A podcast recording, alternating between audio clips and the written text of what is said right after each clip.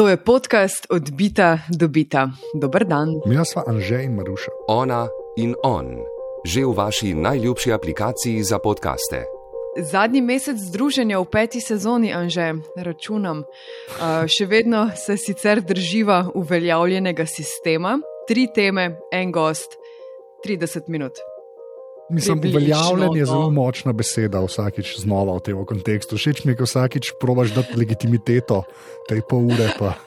Ampak vse je vse v redu, se še malo pa je konec sezone, pa mogoče naslednji let spremenijo taktiko. Ampak ja. Zagotovo. Odbita do bita. Danes je po dolgem času z nami spet Matjaš Jakin, sodelavec Zveze potrošnikov Slovenije. Matjaš, zdravo, dober dan. Je, zdravo, hvala za povabilo. Z veseljem, Matjaš, kako si, kaj novega na ZPS-ju?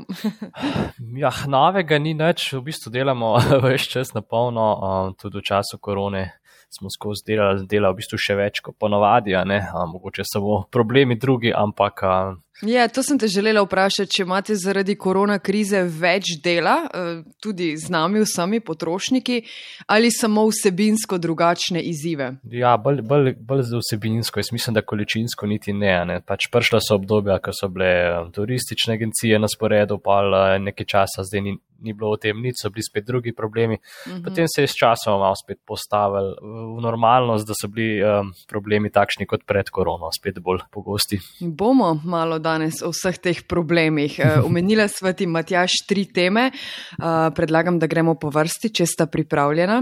Anže, Sva. Matjaš. Ja, ja. Ok, gremo. Podcasti Vala 202, kjerkoli, kadarkoli. Uh, spletno nakupovanje, seveda smo vsi mojstri te teme. Um, nasplošno govorimo o vseh poslušalcih, poslušalkah. Se mi zdi, da smo se v zadnjem letu vsi, cel svet, še dodatno izmojstrili, ko so bile trgovine zaprte. Prebrala sem na MMC-ju en zanimiv citat eh, Romana Krušiča um, iz podjetja Spletna prodaja. Takole pravi: Ko vidiš detka na AliExpressu, veš, da so se zgodili tektonski premiki. Se mi zdi, da odlično opiše ta citat zadnje leto, kaj pravite? Jaz ne vem, če, um, če, če je zadnje leto kakšne tektonske premike prineslo, ker dejansko spletni nakupi res rastejo že vrsto leta. Ne? Zdaj se je mogoče samo malo še pospešilo to, ker so bili seveda potrošniki, tudi nekatera podjetja, bolj prisiljeni v spletno prodajo. Ampak v bistvu gre za en trend, ki je že dlje časa ne, um, Mhm. takšen. Ta pospešilo se je, se mi zdi, da to je na vseh teh področjih. Ta digitalizacija se je itak že dogajala, ne? ampak mi je kar všeč ta zornik, da je v bistvu eh, ta kriza v bistvu samo pospešila nekatere te stvari. Ne? Ampak ja, je pa res, da se je pa marsikdo. Nedvomno nekako več srečal tudi s tem spletnim nakupovanjem ne, v teh časih, ker je bilo pač mogoče lažje iti čez ta strah, kaj bom z miško in zaslonom počel in narobe naredil, kot pa iti v trgovino. Ne. Tako da bomo videli. No. Ampak ja, eh, pospešilo je kar lepa beseda. Zelo pospešilo, no? podatki medijane sveži pravijo, da um, delež populacije, ki nakupuje prek spleta, znaša danes v Sloveniji 4 odstotke, pred enim letom je znašal 2 odstotka. Uh, me pa prav zanimajo rezultati v prihodnje, no? Če, uh, predvsem, če bomo obdržali te navade, kako bodo nove spremembe vplivali na uh, spletne nakupe. Nove spremembe uh, bomo omenjali, Anže. Na začetku julija začne na območju Evropske unije veljati Evropska direktiva, ki nalaga zaračunavanje DDV-ja za vse spletne nakupe, zato sva povabila Matjažane. Ja, res je, ja, ker je že spet neka ta sprememba, ki nekako kaže, da bo spletno nakupovanje, ho- hotel sem reči, težila, pa se zdaj že kar sem se hočem omakniti od te besede. vem, Ga naredila že spet bolj pestrega, a je to fair reči. Ta direktiva dejansko pač prinaša plačevanje DDV-ja za uh, artikle, ki so pač uh, kupljeni v tujini, kjer mislim, da je kar jasno, da cilja predvsem na uh, kitajske izdelke. Ne, že prej smo omenjali detka na AliExpressu. Ne, da, ampak to, to je samo obdočitev. A ne, Matjaš, ali kako? Ja, zdaj to, to bi se moglo že 1. januarja zgoditi, ali pa celo še prej, um, so potem zamaknili vse skupaj zaradi uh, korone, tako da ne bi zdaj s 1. julijem ta spremembe začele veljati. Um, dejansko gre samo za obdavčitev. Ja, se pravi, do zdaj je veljalo, da je do 22 evrov DDV ni treba plačati, če gre za uvoz iz tretjih držav, a, se pravi izven EU. A, Zdaj bo pač za, vsak, a, za vsako pošiljko izven EU a, treba plačati tudi DDV, ne, in pač v tem primeru slovenski DDV. Um, tako da tukaj, tukaj definitivno je neka razlika. Mi zares takšnih uh, pritožb nismo veliko prijemali v zvezi s temi pošiljkami iz tretjih držav. Ne. Tudi ne ukvarjamo se načeloma s temi in tudi potrošniško pravo um, je, ne bom rekel, problematično izvajati, če gre za prodajalce iz tretjih držav. Ne. Ampak ja, potrošniki bodo mogli zdaj računati pač na, na ta DDV v vsakem primeru, tudi za te no, poceni izdelke iz uh, AliExpressa in podobnih uh, tržnic. Ne. Pa ne nazaj tudi iz Amerike, se ne gre samo za kitajske izdelke. Mhm. Pa, zdaj še od Brexita, seveda tudi iz, iz Velike Britanije. Ampak dajmo uh, čisto plastično. Praksa. Če v kitajski spletni trgovini naročam danes torbico za prenosni računalnik ali v nemški spletni trgovini danes naročam torbico za prenosni računalnik. Kakšna bo razlika po 1. juliju? Ja, v resnici z vidika DDV ne bo razlike, lahko pa bo razlika um, v stroških, nekaj bo potrošnik imel, ker pač če bo naročil iz uh, Kitajske ali pa iz kjerkoli druge tretje države, bo tukaj še neki carinski postopki, ki bo mogoče mogel plačati. Pri izdelku iz Nemčije seveda tega, tega procesa ni, ne carinjenja. Tako da stroški so lahko večji iz uh, tretje države. A zdaj težava je seveda v tem, ali bo trgovec ustrezno seznanil potrošnika s temi stroški. Uh -huh. In tukaj bi tudi v bistvu rad poudaril to obveznost prodajalcev, da vseh stroških obvestijo, preden se potrošnik zaključi nakupa. Ne. Seveda, kot sem rekel, če gre za prodajalce iz tretjih držav, ki se tega recimo ne držijo nekih evropskih predpisov, je seveda zelo težko ukrepanje, ne, ker so pač bom rekel, izven dosega tako nadzornih organov kot samega potrošnika. Ja, zdaj je dobro, bilo, da pač uh, slovenski pač ZPS opozarja, ne vem, mali ekspres, prosim, če označite. Sedaj, to je problem, ne, ker recimo Belka, Evropska potrošniška organizacija, del katere smo tudi ZPS, um, se dejansko že pogovarja z AliExpressom ne, in podobnimi velikimi platformami glede spoštovanja v bistvu evropske zakonodaje varstva potrošnikov, ki bi jo bila ta podjetja dolžna v resnici upoštevati, ampak mm -hmm. ker če jo ne, se jim kaj hudega ne zgodi. Ne? Um, in tukaj so neki pogovori, um, da, bi, da ne bi pač zagotovili vsaj te minimalne pravice, ki jih Evropsko pravo varstva potrošnikov zagotavlja. Uh, AliExpress uh, se je celo odzval takrat, da bodo spremenili, ja, da se strinjajo, ampak potem se v bistvu ne zgodi nič. Ne? In informacije so še vedno zelo nejasne. Um, na, na AliExpressu, nekakšne pravice sploh ima potrošnik, pa uh, proti komu jih lahko uveljavlja. Tako da tukaj bo treba v prihodnosti veliko, veliko več narediti, ne? da se um, v bistvu tudi ti prodajalci iz tretjih držav upoštevajo evropske predpise, če seveda prodajajo v, v EU in, in v bistvu ciljajo evropske potrošnike. No, pa pre, prej si omenil še to, ne, da zdaj pač potrošnik bo lahko imel neke dodatne stroške zaradi postopkov carinjenja in ne, potem tudi plačevanja tega DDV. Se pravi, ne samo ta DDV, ki ga bo zdaj mogel plačati, ampak ker bo pač to mogel nekdo izvesti, kot se zelo birokratsko sliši, ampak tako je. Ne? Ampak tisto, kar sem pa jaz zasledil, je pa, da zdaj to bojo lahko tudi dostavljalci delali. Ne? Dostavljalci pa niso zdaj samo pošta Slovenija, ampak je pač več. Ampak te ceniki so pa nekako tako prepuščeni dostavljalcem, da sami nekako ovrednotijo, ne, koliko stane potem to, da je zelo narekovajih carinjenje. Ne? Um, a tukaj pa se da kaj narediti z vaše strani, oziroma saj tako upozoriti, da je to res transparentno napisano, ne? da bodo ti dostavljalci to res imeli napisano na, na svojih spletnih straneh. Pa, ker ker te, tega je meni še bolj strah, ne? ker te proti temu DDV-ju nekako mogoče lahko vnaprej si izračunaš odstotke, ne? veš, koliko več boš plačal, ne? ampak potem je pa vedno še ta carinjenje, oziroma postopek carinjenja, oziroma postopek izvedbe tega plačila. Ne? Jaz, kot človek, ki sem preveč velik za, za normalen svet, sem doskrat uh, iz eBaya naročval superge iz Amerike ne? in sem se nekako zračunal, da ne, tukaj bo treba še plačati, pa je pa vedno bilo zraven še carinjenje, ne? še, ne, še, še nekih dodatnih par evrov. Ne? Zdaj, če je pa to prepuščeno vsakemu dostavljavcu posebej. Ne? Ja, pa sej mislim, da tukaj nekih sprememb ne bo, da so že do zdaj lahko izvajala. Ne? Če je bilo treba tudi te dostavne službe, razne carinske deklaracije in te postopke. In tudi tukaj cene pač ja, so, kakrš, kakršne sami določajo.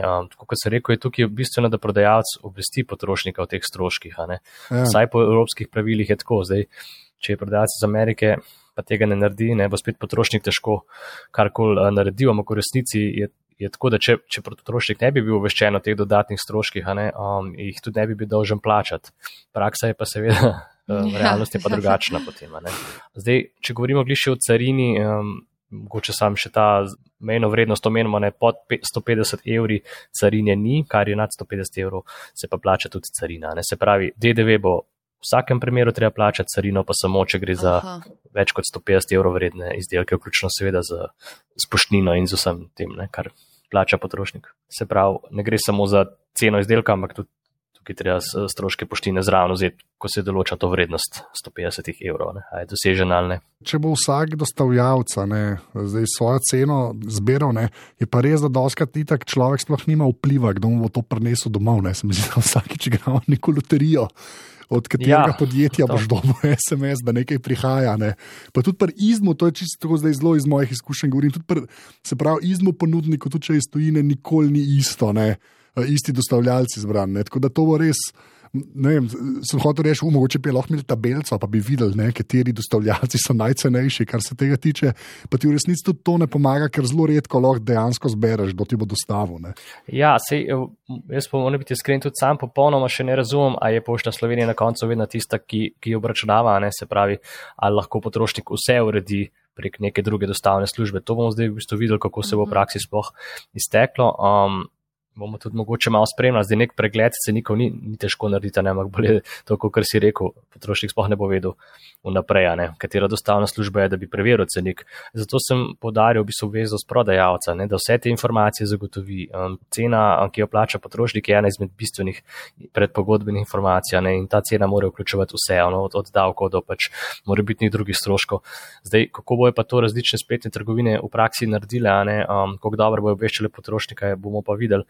Um, nekatere pač to dobro počnejo že sedaj, a ne, um, saj te, bom rekel, večje, kakšne znane, ker pač si tudi verjetno noče prvošče, da bi izgubili uh, kupce, a ne, ker če bo potrošnik enkrat doživel, bom rekel, presenečenje glede stroškov, verjetno nas nič ne bo tam naročil. a Ne. In tudi, recimo, čisto primer, jaz sem enkrat poskušal naročiti telefon prek ene mm, kitajske strani, ampak dejansko nisem mogel ugotoviti iz podatkov na spletni strani, iz kje bo ta telefon poslan, a bo iz znotraj EU, a bo izven EU in tudi kakšno ceno bom sploh na koncu plačal. In se pač reč nisem odločil na koncu, zato ker se mi je zdelo tvegano. Ne? Če, če teh podatkov prodajalec ne more jasno zagotoviti, potem pač raj ne naročim tam ali pa saj prek maila vprašaš vnaprej.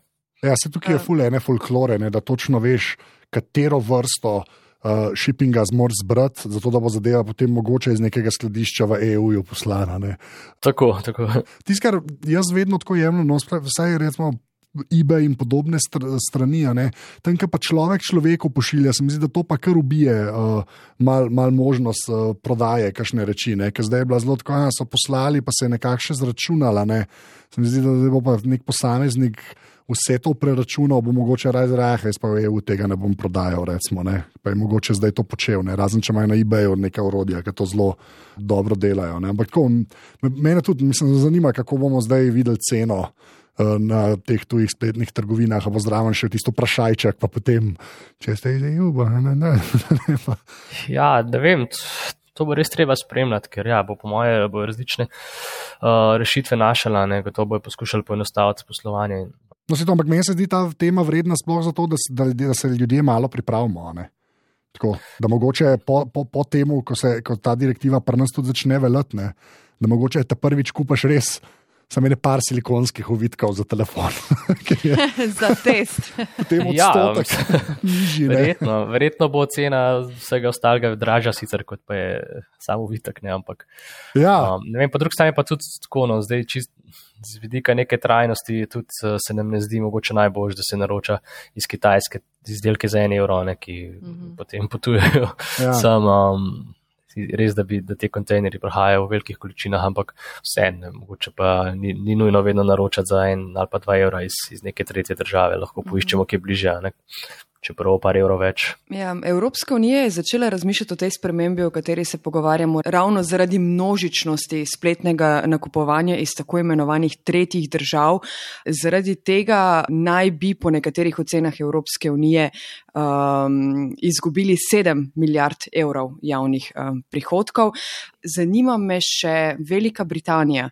Um, glede na Brexit, kaj se bo zgodilo, kateri izdelki so izjema, po katerem zakonu bomo nakupovali iz Velike Britanije. To že velja za Brexit. a ne. Um, se pravi, um, kar se je spremenilo, je to, da, da je to zdaj tako imenovana tretja država, enako kot Kitajska ali. Amerika. Um, se pravi, če naročamo iz Velike Britanije, ne, bo treba plačati carino, ampak pač seveda spet za izdelke nad 150 evri ne, vrednosti. te carine ne bo samo v primeru, če gre v bistvu za uh, blago, ki izvira iz, iz Velike Britanije. Se pravi, kaj ta, ta izvor pomeni, je verjetno treba presojati tudi čez case by case, ampak načeloma, če je proizvedeno ali pa saj nek večji del v Veliki Britaniji, potem se šteje, da je izvor iz tam in potem ni, ni plačila carine. Bo pa seveda plačilo DDV po 1. juliju za te izdelke. E, neki ekološki uvitki za iPhone, proizvedeni v Veliki Britaniji, strani starta podjetij iz Velike Britanije. ja, bomo videli, kaj se bo spomnili. Ampak ja, dejstvo je pa, da če, sam, e, če je izdelek iz Kitajske, pa ga prodaja britanska spletna trgovina, potem pač se ne šteje, seveda, da je, da je izvor iz Velike Britanije. Uh mhm. -huh. Malo za hec, ne toliko za res, eh, me zanima še, eh, kaj si mislite um, o tem, kaj si mislijo največji AliExpress, eBay. Jih je kaj strah, da bodo umrli?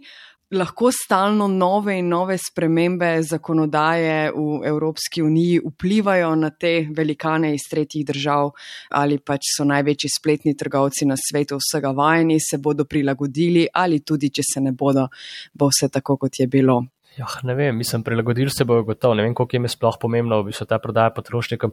Treba je pa tudi vedeti, da tukaj ne gre, da AliExpress ni prodajalec, ampak je spletna platforma, ne prodajalci so pa potem različni, tako da se bo to bolj njih dotikal, vsakega posebej, ne, um, ki prodajajo prek te platforme ali pa prek podobnih, kot so višji in še nekatere večje. Ne.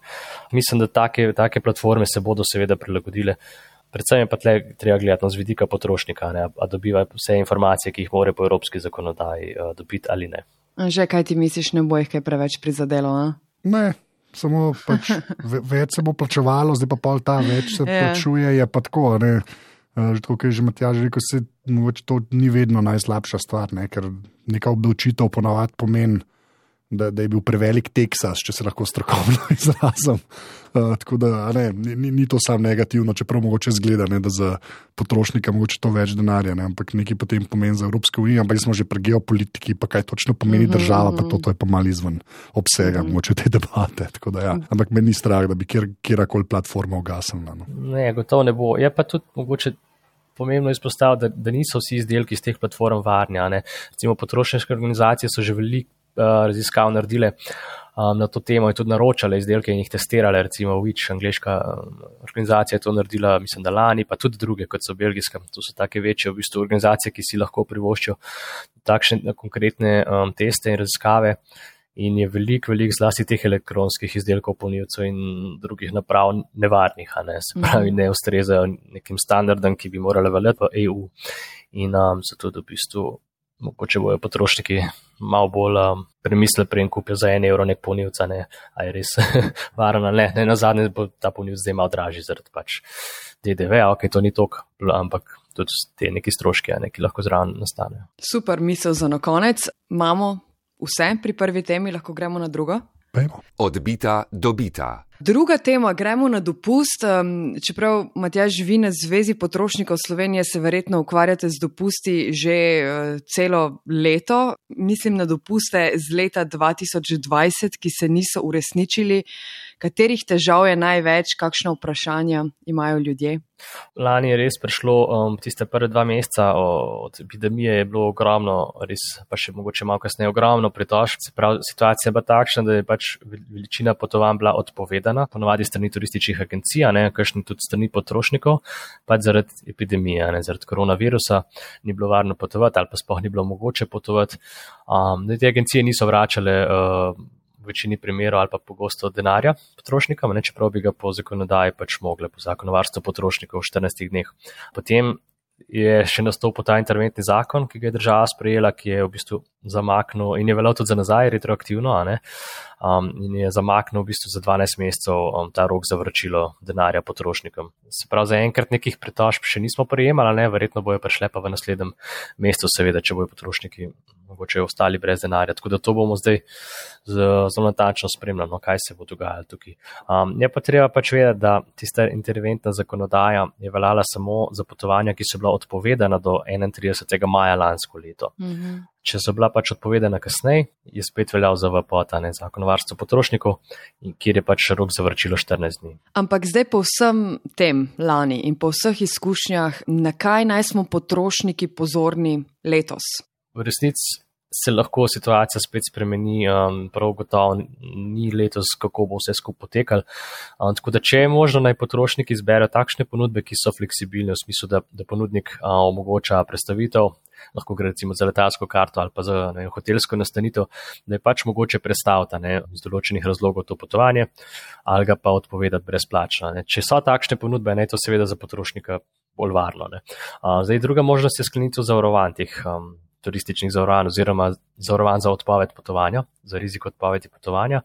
Um, to se lahko sklene tako, če gre za neke posamezne um, storitve, ne kot je nastanitev ali pa letalski prevoz, kot pri turističnih paketih. Um, se pravi, ta zavarovanja obstajajo, je pa treba zelo, zelo natančno pogledati, katere situacije so krite zavarovanje. Se pravi, kdaj lahko sploh potrošnik odpove potovanje, pa da bo krilo ga zavarovanje. Zdaj ta pregled smo tudi naredili um, ne dva meseca nazaj, mislim, da, da se precej razlikujejo med sabo, no, zavarovanja. In tukaj ne ostane drugega, bom rekel, kot branje drobnega tiska. Ne. Super, bova ta link dala v zapiske, če si lahko še kdo kaj pomaga, ampak ne iščemo samo po fizičnih katalogih, ne samo pri turističnih agencijah. Znova končno nameščamo na telefone spet Booking pa Airbnb, to sta zagotovo med večjimi najbolj priljubljenimi aplikacijami za potovanja. Teh je seveda nepregledna množica, verjamem. Že stokrat smo o tem že govorila, verjetno vedno pred poletjem, ampak kaj če bi ponovili malo šolo varnega potovanja, um, da ne bo potem na turistični destinaciji kakšnih presenečenj. to je že spet klasični. Ne nikomor dajati kreditne kartice, saj številke ne, no, mogoče mu lahko date pogledati. ja, ampak v tem primeru je to malo težje. Ja, to je resno. Ampak ja, predvsem ta, ne, da se vedno pogovarja znotraj teh platform. Jaz to vedno ljudem rečem, da čim pride kakršna koli, hej, se bomo zmenili mimo ustavi ime platforme, ne, je to mogoče največja rdeča zastava, oziroma luč, ki jo lahko dobiš. No. Tako da jaz vedno ljudem to rečem, da saj to. Pa dejansko pogledati ocene in ne verjeti samo slikama. Ker, če je kaj dobrega pri teh uh, platformah, so pač to te ocene, ker dejansko obstaja nek feedback ljudi, ki so pred tabo se že imeli fino ali pa tudi ne. ne. Mm -hmm. uh, to vem, da je samo umevno, ampak se mi zdi, da tudi jaz se zelo tem, da ko kdaj ki iščem po spletu, a ne so mi slike 16 krat bolj važne kot karkoli potem tam piše.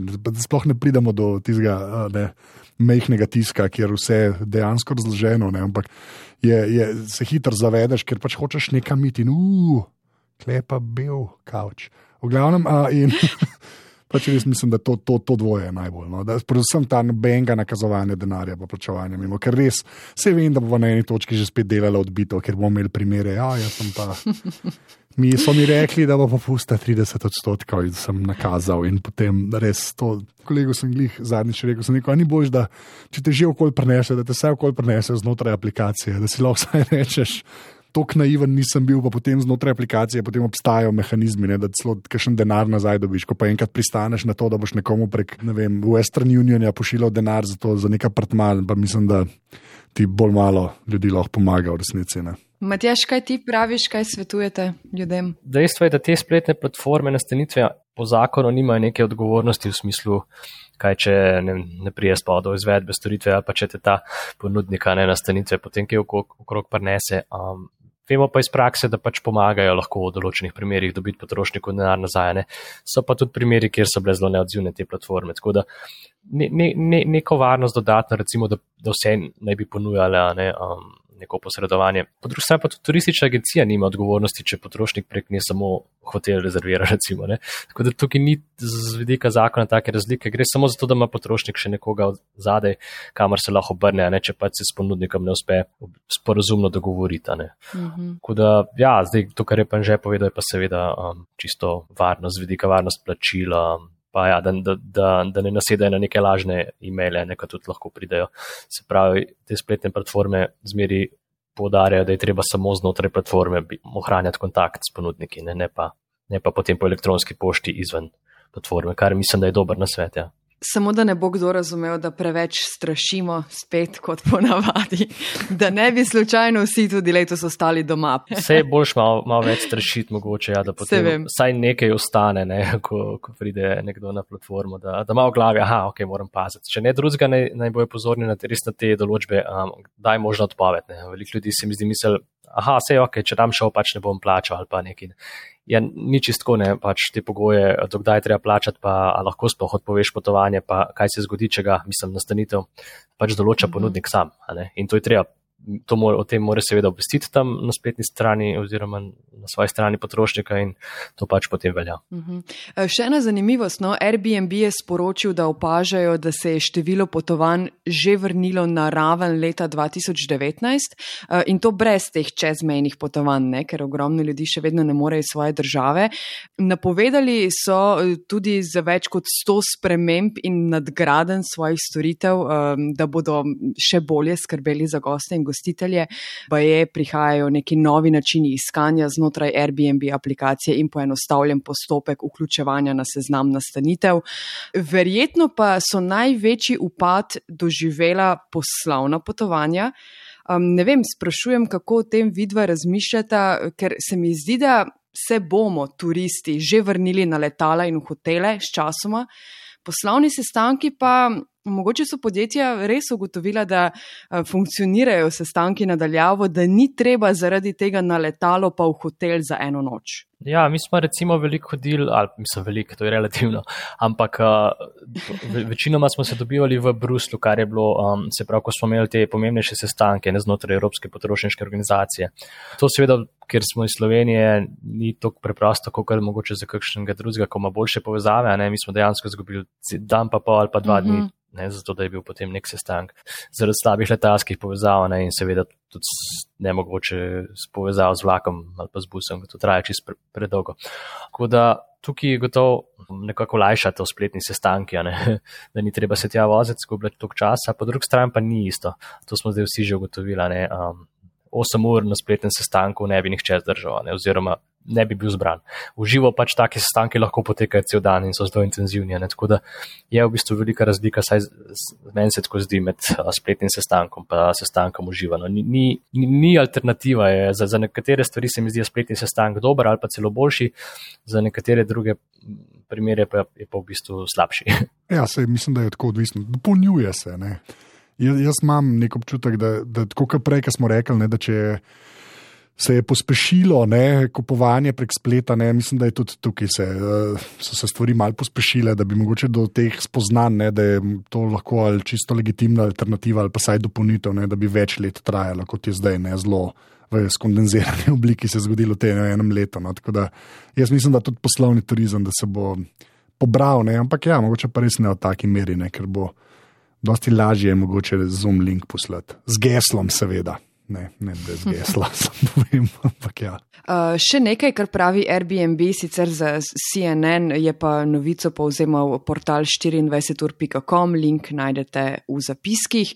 Opazili so na Airbnb, da smo potrošniki bolj prilagodljivi glede tega, kam in kdaj potujemo, in smo na posamezni lokaciji pripravljeni ostati dlje. Vse to se mi sicer zdi logična posledica eh, globalne pandemije. Na Airbnb-u je bilo skoraj 25 odstotkov rezervacij v prvem četrtletju leta 2021 namenjenih daljšemu bivanju, ki je trajalo celo 28 dni ali več. Zdaj, ali so se navade res drastično spremenile, ali pa ne vem, smo pripravljeni na nove karantene nekje na drugi lokaciji, nekje na morju. Ta podatek, eh, res slišim, bi se zelo zanimiv, da bi bile take dolge, take dolge obdobje rezervacije. Ne vem, mislim, mi zares nismo imeli zdaj veliko pritožb ali pa vprašanj v zvezi s, s turizmom. Zadnje pol leta se mi zdi nekako zamrl, zdaj se bo šele začelo odpirati. Ne? Tako da uh mhm. -huh. bomo pa mogoče imeli kakšne več podatkov, no, kaj se zares dogaja s potrošniki na trgu. Kaj, kaj se zgodi? Z rezervacijami, zdaj, če se slučajno, meni je grozen to sploh vprašati. slučajno spet ne bo dalo potovati. A smo se kaj naučili od lanskega leta, ali je pač tako, kot je, in so pač in agencije, in vsi ostali samo bolj transparentni glede tega? Jaz mislim, da se prav veliko nismo naučili, oziroma bi se verjetno zgodilo podobno kot, kot se je. Se pravi, agencije bi rekli, da nima denarja, ponudniki niso vračali denarja agencijam. Podjetja skrižarje niso vračali denarja. Skratka, tukaj je cel, cela veriga, ne, ki pač, ko je prišlo do krize, ni funkcionirala. Ne, in um, seveda na koncu so bili tudi potrošniki tisti, ki so ostali brez, brez denarja in to se lahko zgodi verjetno še ponovno.